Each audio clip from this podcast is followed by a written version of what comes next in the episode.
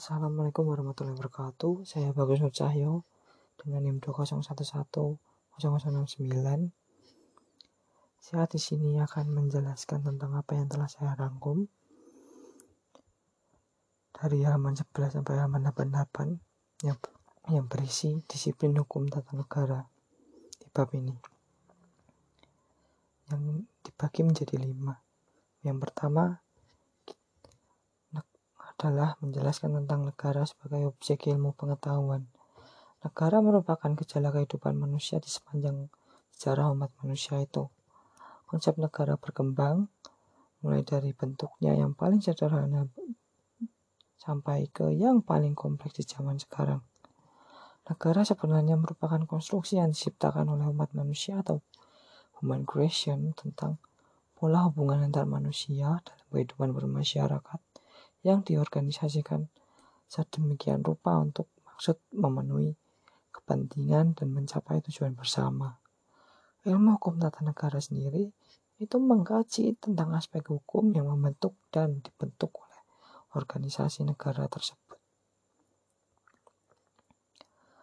Lalu untuk yang kedua, ilmu hukum tata negara sendiri terdapat peristilahan yaitu adalah salah satu cabang ilmu hukum yang secara khusus mengaji persoalan hukum dalam konteks kenegaraan. Istilah hukum tata negara itu sendiri, jika diterjemahkan dalam bahasa Inggris, maka akan mendapatkan perkataan lain sebagai constitutional law atau disebut hukum konstitusi. Hukum konstitusi dianggap lebih sempit dari hukum ilmu tata negara karena hanya membahas hukum dalam perspektif teks Undang-Undang Dasar saja. Sedangkan hukum tata negara tidak hanya terbatas dari Undang-Undang Dasar tersebut. Tata negara sendiri berarti sistem penataan negara yang berisi ketentuan mengenai struktur kenegaraan dan substansi norma kenegaraan. Definisi hukum tata negara sendiri sebagai hukum dan sebagai cabang ilmu pengetahuan hukum terdapat perbedaan-perbedaan dalam itu. Perbedaan itu disebabkan oleh faktor-faktor perbedaan pandangan terhadap para ahli hukum itu sendiri dan sebagian lagi dapat disebabkan oleh perbedaan sistem yang dianut oleh negara yang dijadikan objek penelitian oleh sarjana hukum itu masing-masing. Hukum tata negara sendiri dibagi menjadi dua, yaitu hukum tata negara formil dan material. Dalam istilah pertamanya hukum tata negara, lalu yang satunya adalah asas hukum tata negara itu.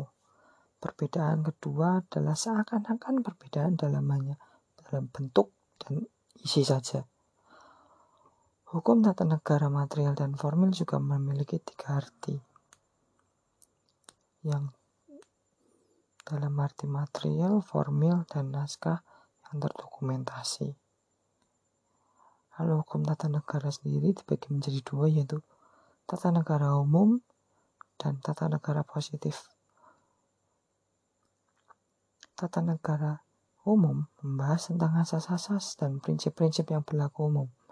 Sedangkan hukum tata negara positif hanya membahas hukum tata negara yang berlaku pada suatu tempat dan waktu tertentu. Sesuai dengan pengertian hukum positif, aspek hukum tata negara yang kebanyakan mewarnai pemikiran para ahli hukum tata negara kita seperti yang tercemin dalam berbagai buku yang diterbitkan yang menjadi bahan bacaan sebagai berbagai di perguruan tinggi di Indonesia adalah yang disebutkan yang terakhir yaitu hukum tata negara positif. Hukum tata negara yang kita bahas di sini dapat menjadikan menjadi tiga aspek satu, hukum tata negara umum yang berisi asas-asas hukum yang bersifat universal, hukum tata negara yang berisi asas-asas perkembangan dalam teori dan praktik suatu negara tertentu seperti misalnya Indonesia, dan hukum tata negara positif yang berlaku di Indonesia yang mengkaji mengenai hukum positif di bidang tata negara Indonesia. Lalu, hukum tata negara juga dibagi statis dan dinamis. Hukum tata negara statis disebut statis apabila negara yang dijaga dengan objek kajiannya menjadi dalam keadaan diam atau bisa disebut statis. Ketika dinamis, maka negara objek negara kajiannya itu tidak, dalam keadaan diam atau bisa disebut banyak melakukan kerjasama atau apa pun tentang negara lain-lainnya juga. Lalu untuk keluarga ilmu hukum kenegaraan itu pada umumnya hukum tata negara itu masuk dalam hukum keluarga ilmu hukum kenegaraan dapat dibagi menjadi dua teori negara yang dalam arti luas dan dalam arti sempit hukum tata negara dan ilmu politik serta ilmu sosial lainnya itu diumpamakan Baren sebagai kerangka tulang belulangnya. Sedangkan ilmu politik ibarat daging-dagingnya yang melekat di sekitar. Ilmu yang menyelidiki gejala-gejala kemasyarakatan pada umumnya disebut sosiologi. Dan mengkhususkan kajiannya mengenai gejala kekuasaan disebut ilmu politik. Dan demikian pula dengan cabang-cabang ilmu sosial lainnya. Ilmu tata negara dan ilmu negara adalah yang pertama, ilmu negara itu adalah merupakan ilmu pengetahuan yang menyelidiki asas-asas pokok dan pengertian-pengertian pokok mengenai negara dan hukum tata negara, ilmu negara. Ilmu negara merupakan ilmu pengantar untuk mempelajari ilmu hukum tata negara. Ilmu hukum administrasi negara dan juga ilmu hukum internasional publik dalam ilmu negara diutamakan nilai teoritis ilmiahnya. Sedangkan dalam ilmu hukum tata negara dan hukum administrasi negara terkait pula dengan norma hukumnya dalam arti positif. Perbedaan antara ilmu negara dan ilmu hukum tata negara juga dapat dilihat dari segi objek penyelidikannya. Jika objek penyelidikan ilmu negara adalah asas-asas pokok dan pengertian mengerti pokok tentang negara dan hukum negara pada umumnya, maka objek hukum tata negara adalah sebagai yang sebagai ilmu adalah hukum positif yang berlaku pada suatu waktu di tem suatu tempat. Lalu juga hukum tata negara dan hukum administrasi negara. Seperti di, debat, di berbagai negara, kedua cabang ilmu hukum ini sering kali disebutkan bahwa bersama-sama secara berangkai, keduanya tetap dapat dibedakan antara satu sama lain.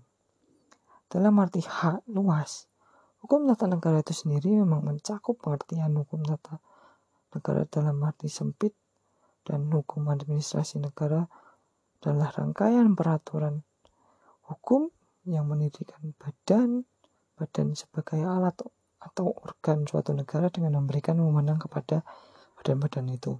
Dan membagi pekerjaannya pekerjaan pemerintah kepada banyak alat-alat negara itu baik yang tinggi maupun yang rendah kedudukannya. Hukum administrasi negara meliputi seluruh kegiatan dalam arti luas tidak hanya terbatas pada tugas pemerintahan dalam arti sempit saja badan hukum administrasi negara diadakan untuk mengekang pemerintah sesuai dengan prinsip liberal yang hidup pada waktu itu. Perbedaan antara hukum tata negara dan hukum administrasi, administrasi negara itu tidaklah bersifat fundamental dan hubungan antara keduanya dapat disamakan dengan hubungan antara hukum perdata dan hukum dagang. Jika keduanya dipisahkan, maka hal itu semata-mata karena kebutuhan dan pembagian kerja yang secara praktis diperlukan sebagai akibat pasalnya pesatnya perkembangan hukum korporatif dari masyarakat, hukum teritorial. Hukum tata negara dibagi meliputi susunan tugas, wewenang, dan cara badan-badan itu menjalankan tugasnya. Sedangkan bagian lain lebih terperinci itu dimasukkan dalam bidang hukum administrasi negara. Lalu untuk Hukum tata negara berhubungan dengan hukum internasional publik. Hukum tata negara maupun hukum internasional publik sama-sama merupakan cabang hukum ilmu politik. Hukum internasional publik itu sendiri dan ada pula yang bersifat privat berdata atau berdata. Di samping itu yang bersifat publik. Keduanya sama-sama menelaah dan mengatur mengenai organisasi negara. Akan tetapi, hukum internasional mempelajari tentang mengatur mengenai hubungan-hubungan eksternal dari negara, sedangkan hukum tata negara berurusan dengan aspek-aspek hubungan yang bersifat internal negara yang dikaji, seperti dalam halnya hukum perdata internasional yang bersifat privat seperti itu. Itu adalah perbedaannya. Lalu kecenderungan hukum tata negara, hukum administrasi negara, dan hukum internasional publik, hukum tata negara dan hukum administrasi negara itu tumbuh dan berkembang menjadi sangat spesifik dan menjadi rinci. Sehingga keahlian yang diperlukan menjadi semakin terspesifikasi, terspesialisasi. Di beberapa negara seperti misalnya Austria, Kedua kecenderungan itu diatasi dengan cara ganda. Samping kedua kecenderungan tersebut di atas pula ada pula kecenderungan ketiga yang relatif masih sangat baru yaitu menyatukan aspek-aspek kajian internal negara yang biasanya menjadi ciri ilmu hukum tata negara dan hukum administrasi negara dengan aspek-aspek eksternal yang biasanya menjadi domain ilmu hukum internasional publik. Lalu untuk objek dan lingkup kajian hukum negara, banyak sarjana yang menganggap bahwa hukum tata negara itu meliputi semua aspek hukum yang berkenan dengan negara dan pemerintahan. Meskipun untuk alasan-alasan yang bersifat praktis, studi mengenai hal itu dibatasi hanya pada soal-soal hukum dasar konstitusi saja atau basic rule of the constitution. constitution. Lingkungan materi HTN yang dibahas tergantung kepada data yang disajikan dalam buku masing-masing. Namun, secara umum, dalam buku-buku yang dapat digolongkan sebagai buku teks, keseluruhan materi tersebut akan selalu tercakup dalam pembahasan. Dan yang terakhir, objek dan lingkup kajian hukum administrasi negara. Untuk menggambarkan lingkungan kajian atau Bahasan mengenai hukum administrasi negara terdapat beberapa contoh mengenai tulisan yang menggambarkan lingkup kajian hukum administrasi negara di berbagai negara Eropa dan Amerika Serikat. Setiap sarjana mempunyai kecenderungan sendiri-sendiri dalam persoalan luas sempitnya materi yang akan dibahas dalam buku yang akan disusun. Akan tetapi, hal ini dapat dipakai untuk sekedar memberikan gambaran mengenai apa saja yang telah diberikan oleh para-para ahli sarjana tersebut dan jika diberi kesempatan menjelaskan mengenai hukum administrasi negara di negara-negara tertentu yang telah diketahuinya. Seperti sarjana itu ketika menemukan dari hasil penelitiannya, dia akan memberikan pengajaran tersebut kepada negara-negara yang telah dikenalnya. Terima kasih, itu saja dari saya. Mohon maaf kalau banyak kurangnya. Assalamualaikum warahmatullahi wabarakatuh.